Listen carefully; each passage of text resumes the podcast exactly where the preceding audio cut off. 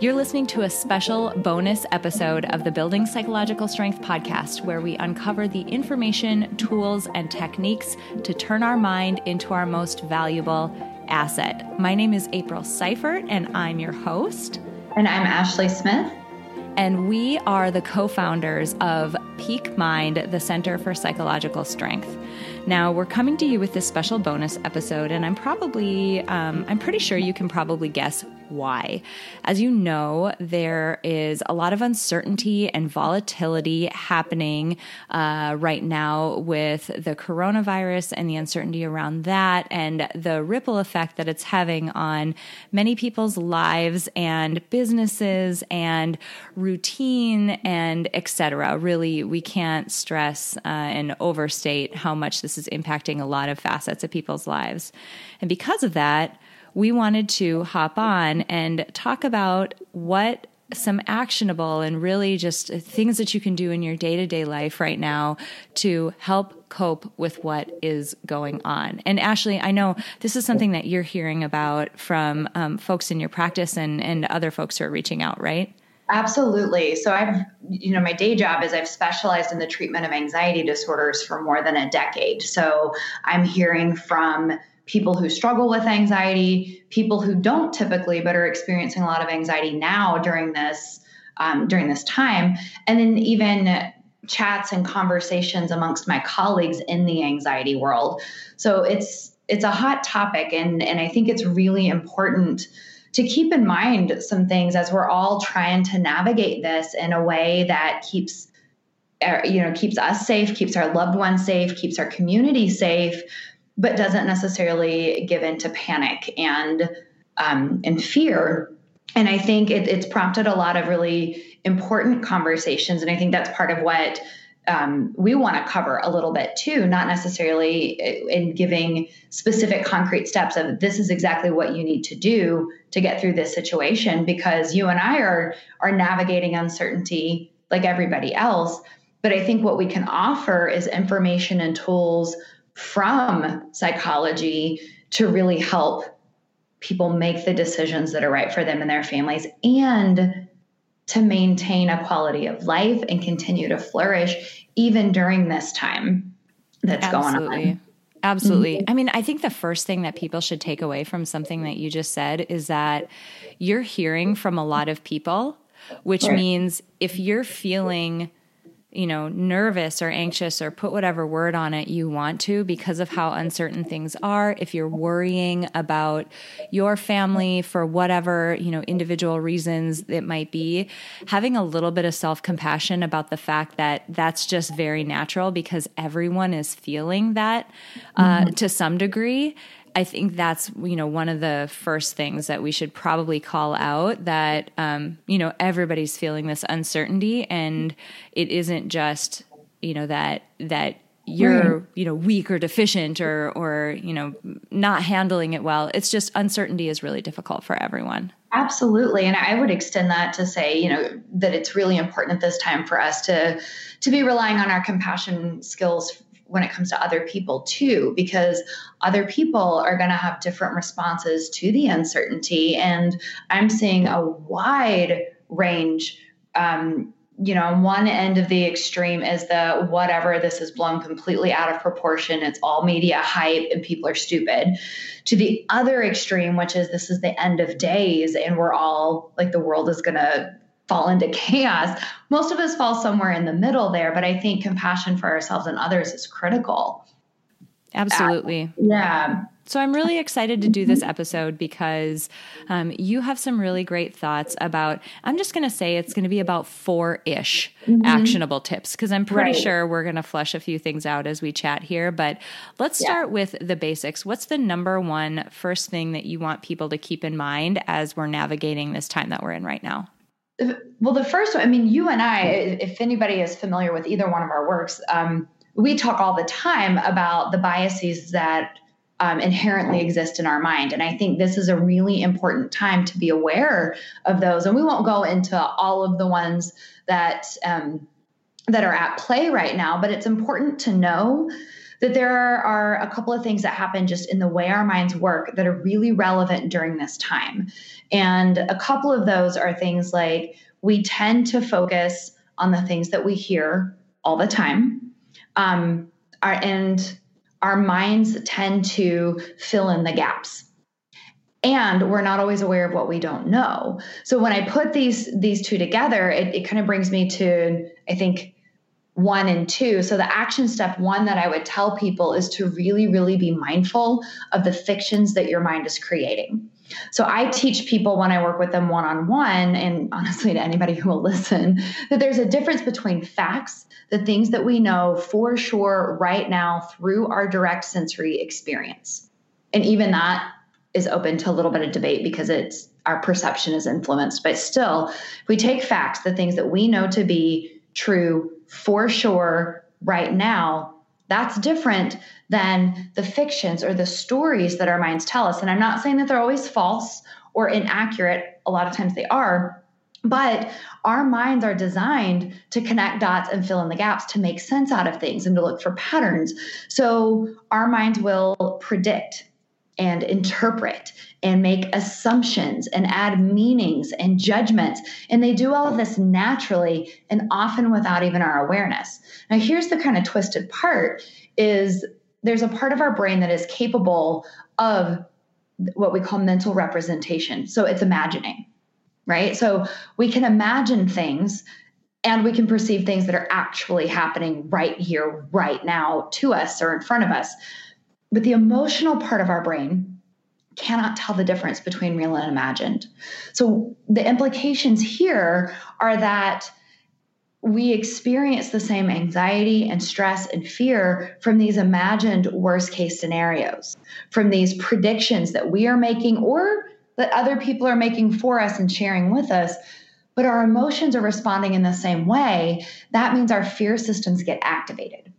That means that we are experiencing the response that we would normally have to threat and to danger. And that's important to know because, you know, in the anxiety world, we have the saying like feelings aren't facts. So just because you feel like there is danger, you feel like there is threat, doesn't mean that there actually is. And please hear me out because I'm not discounting this. I'm not on the edge. I'm not on that extreme that's saying the the COVID-19 pandemic is nothing. Not at all. I'm very much in the interest of helping myself and my loved ones and anybody I can find that line between what are the necessary precautions we need to be taking and not. I want to make reasoned, valued choices, not fear driven ones. So, action step number one is try to focus on the facts of the situation as best you can. And I mean, if you give a really concrete example, I think that's amazing as a first action step because you can think about um, a really concrete example here of okay, one fact is we know that this virus is in the United States. We know that. Another fact is whatever state you're in or geographic area, you can go on the World Health Organization or the CDC website and you can see how many cases are in your area. That's also a set of facts that you can get. Mm-hmm what our minds tend to do then, and as you mentioned, is start to place interpretations and forecasting on that. Well, if there's this many in my area, that must mean that my family's going to get it. And if my mom gets it, then she has this lung thing. And oh my God, this is so bad. Like you can see where you're starting to take three, four, five, six, seven steps forward that are no longer facts that we're working with, they are projections. Now, mm-hmm. to your point, we all have to take into our account into account our own risk factors. Those are also facts. It might be a fact that you have a loved one who is over the age of 80 with a particular condition that makes them vulnerable if they get this virus. That means that there's a set of precautions we need to take. But there's a difference between saying one fact is that I have a grandmother who has a condition that makes her vulnerable. So we're going to do these things Another step, though, from that is to go to allow yourself to um, fuse too tightly to the thought patterns that you're having and go down a rabbit hole of guessing and supposing and wondering whether something's going to happen and what will happen next and what will happen next. Right. It's really it's it's an accurate risk appraisal to the extent that you can, and then just know that you've done the right thing from there. Um, something right. and i don't i don't know where this is going to fit in because i i know the direction we're going to go and mm-hmm. so many mm-hmm. of these are are really um actually you know what i'm going to throw that in when we get to step three because i think it fits okay. more there um i love step one so step one is hone the facts really focus on those and start to um, understand the difference between a fact and an interpretation or a prediction or a forecast right um, well and with that too i think sometimes because where people can argue is well i don't know that for sure through my direct sensory experience that there are two cases in Missouri. Now, the fact is, I read that from a credible source online.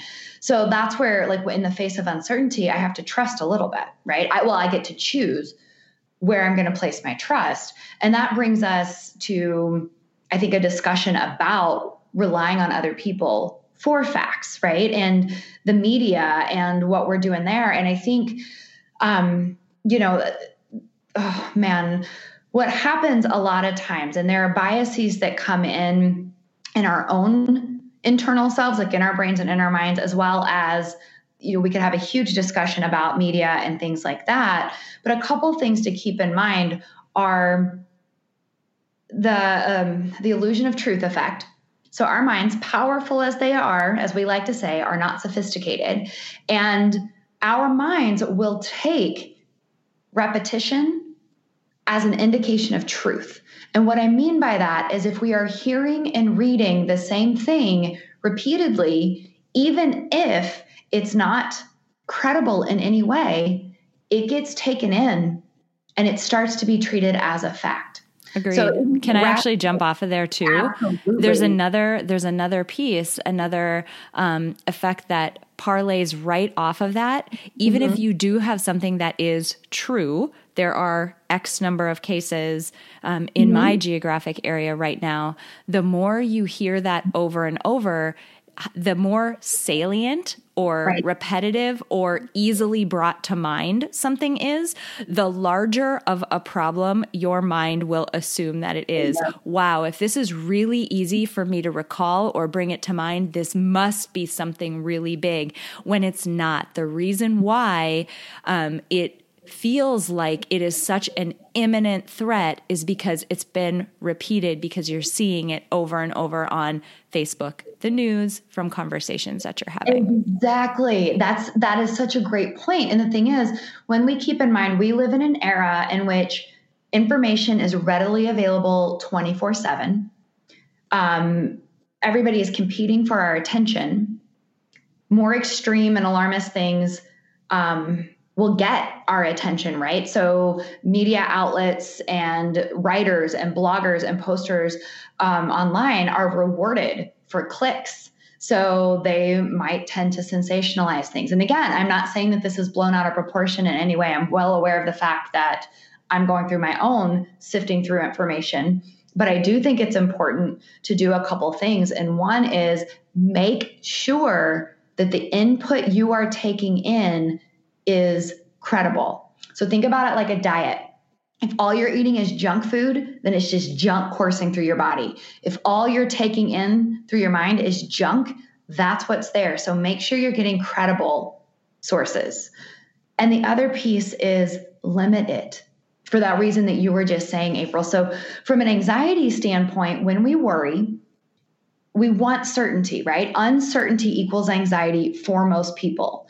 Um, now, the issue is most of the time we just assume we have certainty, even if it's not there. But it is very, very natural to seek certainty. And that's why so many people are finding themselves online taking in more news, more information than they might normally. And as we have the social distancing and plans being canceled, people are bored. So, what do they do? They go online and they are being bombarded with these messages. So I think it is really, really important to limit how often you're checking the news and social media and to to cull your feed to make sure it's credible sources. Absolutely. And that actually gets into something that I was going to say before and it's mm-hmm. it actually works really nicely right here. Sometimes it can feel when we're feeling really nervous or when we're worried about something, it can almost feel like, well, but wait, if I, and I know I'm going to raise my hand and I'm going to say, this is me, like this is my gut instinct a lot of the mm-hmm. time. And I have to work really hard on this one. So if this is something you're working hard on, know that I'm like over here doing it with you. It can feel like, okay, I've checked CDC, I know where my geographic area is. And trust me, I'm doing this right now. My husband is an ER physician. So he right. goes back into a shift on Tuesday. I want to know how prevalent it is in my area and what's the likelihood that he's going to come face to face with a case when he's in that shift. So there are concerns that I have definitely for my family. But once I've looked at the CDC stats and I know I'm up to date and I understand where we're at as of right now, it can be incredibly hard to shut it down and stop looking because right. that somehow feels in our minds sometimes as though well now I'm not taking it seriously. I've I've I don't have my eye on the ball and holy cow, something could happen and I'm not paying attention. That must be I'm not taking this seriously. I'm not doing what I need to do. There's only so much information that you need. And beyond that, all you're doing is just feeding the beast the beast being yeah. that part of your mind that is like desperately like grasping at straws for anything and that's not the part of your mind that you want to be feeding you want to be feeding the deliberative thoughtful rational side of your mind in times mm-hmm. like these well, and with that too, what I'm also hearing a lot about are worries not about the health side, but the financial side. So Absolutely. when I think about it, like if we go with the fact, okay, the fact is stock market tanked, right? When I look at my numbers for some investments, they're down. The other facts are that historically, the data show that the market has recovered. Now, I'm not giving anybody financial advice, just saying, let's go with the facts. And here's the thing people continue to check and continue to check, and they're worried as they're seeing their 401ks go down. Or um, for people who it's not necessarily about investments, it's what are the implications of the social distancing and what is this going to do? Sometimes, you know, the more we check, the more, like you said, April, we're just feeding that beast. We're feeding that worry. And it's that I want to know, I want to know, but it's not knowable. And that's something that people really need to pay attention to. And I always tell folks, you when I'm working with them when it comes to uncertainty, you need to before you go looking for that information or trying to find certainty, you need to ask yourself, is this knowable? Mm-hmm. Like we mm-hmm. don't know how many people are going to end up contracting the coronavirus. That's not knowable right now. We're guessing. So is it knowable by me? There are people out there who might who know more than I do, but is it knowable by me right now? And if the answer mm-hmm. to any one of mm-hmm. those is no, we don't check. Stop seeking certainty. This is where you got to practice your other skills of sitting without in the not knowing. Embrace the I feel uncertain and I feel uneasy, I feel scared or irritated or whatever it is that's coming up. But if it's not knowable by me right now, checking will only increase fear.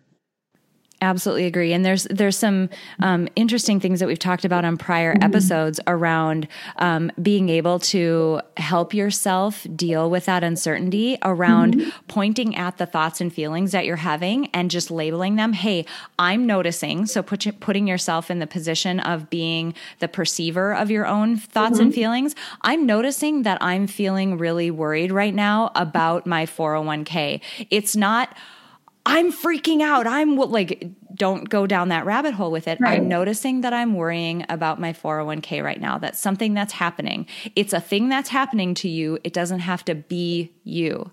Right. And there's another piece of this too, where a lot of times, I, I totally agree. We just, in general, a great life skill and a great psychological strength pillar is building the ability to sit with discomfort without having mm-hmm. to avoid it or look away or whatever.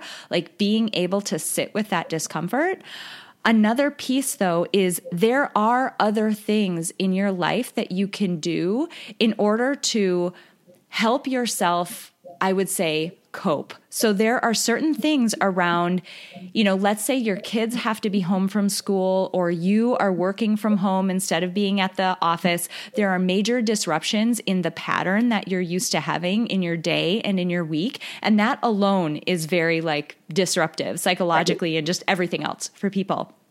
But what you can control is still retaining something that resembles a schedule throughout your day so that you mm-hmm. do have, you know, no one's asking you to be perfect here. No one's asking you to be superhuman. There are things that you can do to retain just a little bit of structure in your day. And it's amazing how much that little bit can really help you just like sort of soften the edges or just ease it a little bit so that you can sit with the discomfort of everything else that's going on. So, not everything has to be uncomfortable. You can do a few things to help yourself through it, but just know that some of it, there is just not a thing that you can do about it. And we just need to cultivate that ability to just sit with it. Yeah. And I think in, in terms of building on that, I mean, I'm a huge believer that you know, building your emotional intelligence, the ability to recognize your emotions and respond to them and to, and to hold them and have them and it is incredible. But you're also making me think about control. And that I think is what really bothers people about uncertainty is we feel a loss of control. I think we just need to get really clear about what we can and can't control. And April, to your point of maintaining structure and routine, that's something I can control.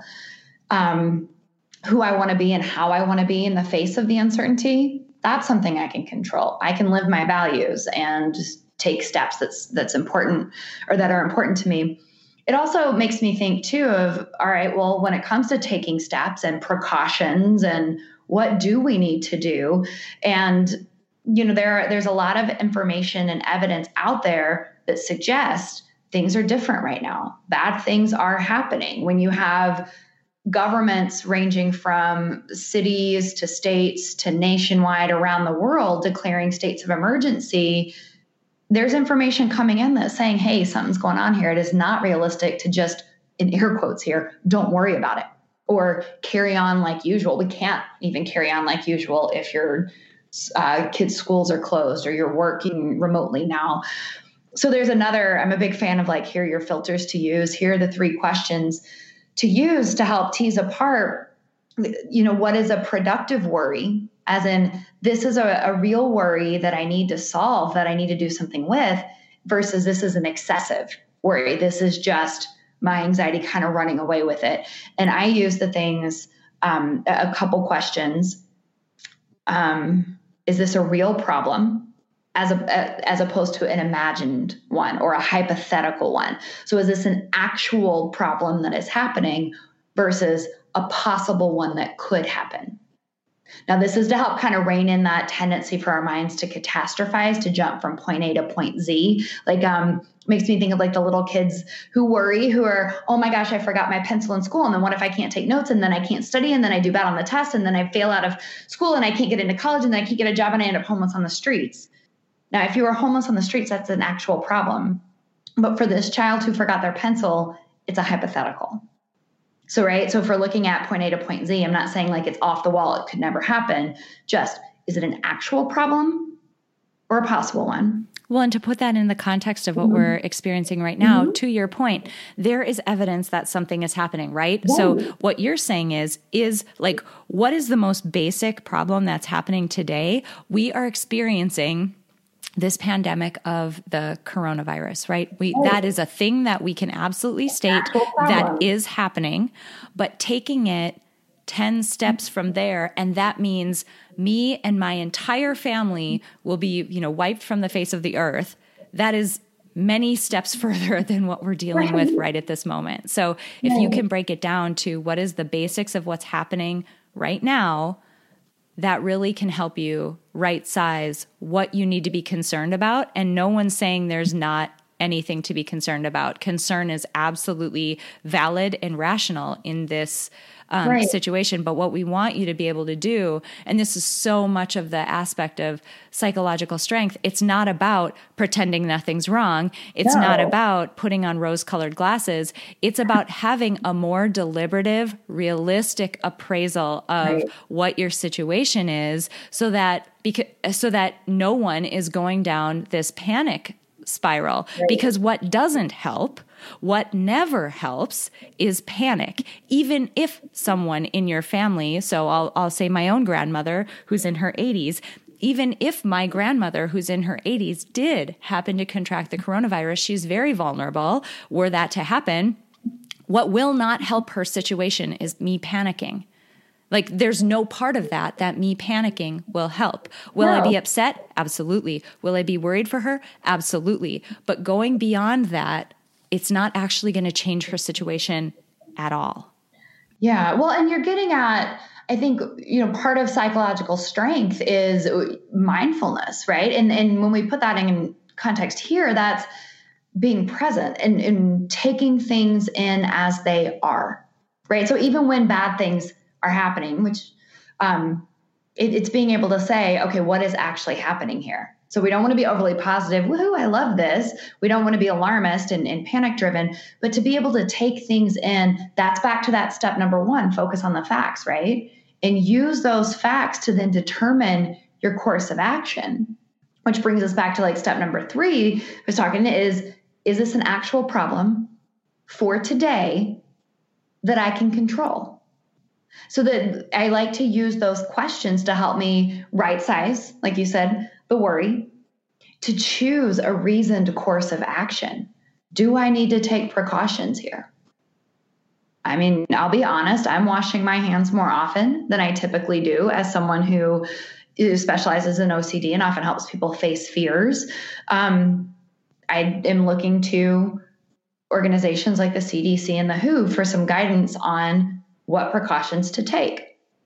I'll be wiping down my office uh, on a daily basis with uh, cleaning supplies, which is not something I typically do. But I'm still planning to go to my office based on the information I have in my area at this point. Now, I don't know about in three weeks. No one does. I don't know about a year from now. No one does. So when I'm focusing on making my decisions and my, my action plans, what are the real problems for today that I can control? And that's what I focus on. And if they're not, then when it comes to just dealing with that excessive worry, we're back to those other skills that we've been touching on, like maintaining routine, acting in line with my values, practicing mindfulness, taking that observer perspective. My mind is telling me this, embracing emotions. So, all of those elements of psychological strength and continuing to work on those despite what's going on around me. Absolutely. And something that I want to stress for people too is that um, what you're doing in this situation is not unlike what we would ask anybody to do in any situation that's causing worry and anxiety, whether it is job stress, something in a relationship, just in general, life is really busy and hectic and difficult right now all of these things that we're asking you to think about and these tools and just tips that we're giving you are really basic tips that can help you reason through a problem. And we're giving them to you in this sort of step by step like, is this a real problem? Is this a problem today? Is this a problem I can control? Because sometimes having a very step by step framework, especially in the beginning when you're learning a skill, which mm-hmm. that's absolutely what this is, mm-hmm. you need that checklist. You need that step by step thing.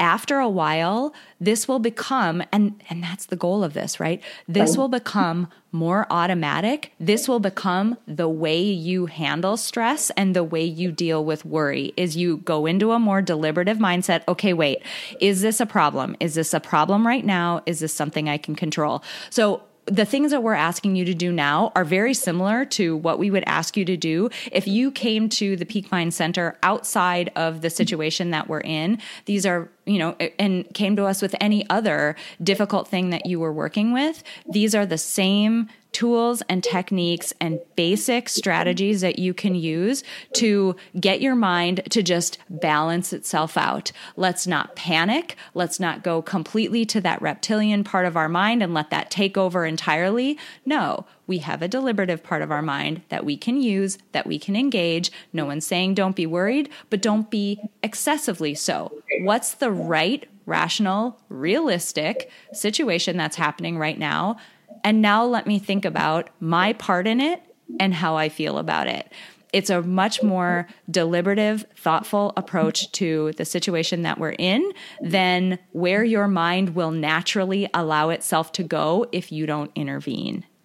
I love that you just made that point because you're absolutely right. I see it as you know we're using the the current um, health situation to illustrate these but when i think about like my own experience with adversity so on a much smaller scale you're right it's the same it's the same process it's the same tools the same strengths and skills that help me move through those things and i know for you as well. So that's a fantastic point to be making.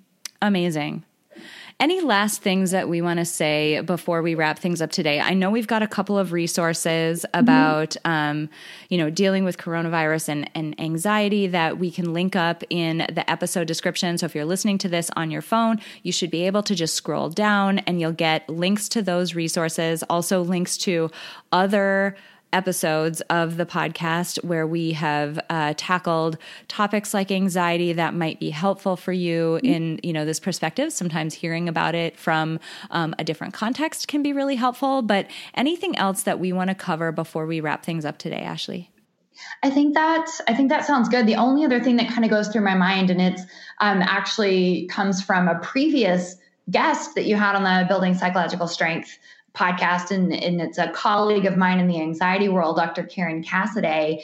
Um, so she specialized in anxiety and OCD forever. Um, but she had written something, guidelines for people with OCD dealing with this time. But the piece that stands out is that she said it's important to remember that this is a time of inconvenience, not a crisis.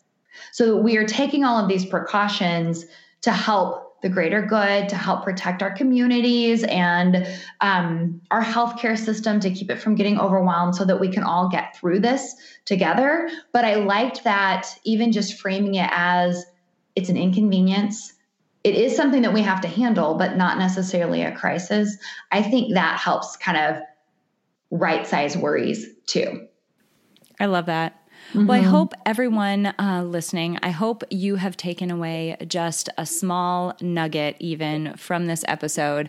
I mean, for the very least, I hope the easiest thing that we can always offer people is compassion, both toward themselves, in the fact that um, if you're having to work really hard to keep yourself from panicking, if you're feeling mm-hmm. like, man, I want to, you know, run out and do something, you know, sort of rash, I'm feeling like I don't have control and, and I see myself in some of these examples. Mm-hmm. Or if you're looking at your family members, compassion toward other people, family members, friends, other people that you might know, just understand that everybody is um, going through a very real feeling sense of fear. Is it accurate? In a lot of cases, maybe maybe not but mm-hmm. everyone's experience of fear is something that they they are experiencing and we're all handling it in a different way. So I'm hoping that what we've given you today in terms of some of these frameworks and questions that you can ask yourself will help you get through those moments when things are feeling really uncertain and they're feeling like they are more out of control than you would like them to be. Any last uh, thoughts before we wrap up? I think we're good.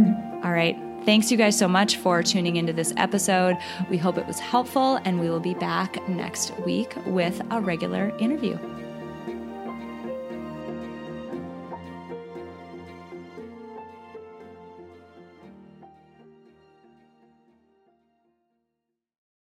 At Parker, our purpose is simple. We want to make the world a better place by working more efficiently, by using more sustainable practices by developing better technologies, we keep moving forward.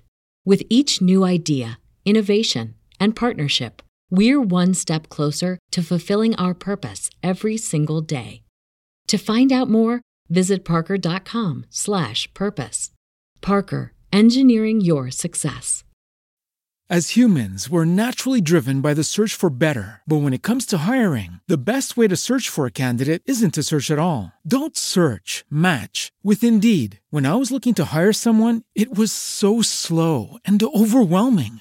I wish I had used Indeed. If you need to hire, you need Indeed. Indeed is your matching and hiring platform with over 350 million global monthly visitors, according to Indeed data, and a matching engine that helps you find quality candidates fast. Ditch the busy work. Use Indeed for scheduling, screening, and messaging so you can connect with candidates faster. And Indeed doesn't just help you hire faster. 93% of employers agree Indeed delivers the highest quality matches compared to other job sites, according to a recent Indeed survey. And listeners of this show will get a $75 sponsored job credit to get your jobs more visibility at Indeed.com slash podcast. That's Indeed.com slash podcast. Terms and conditions apply.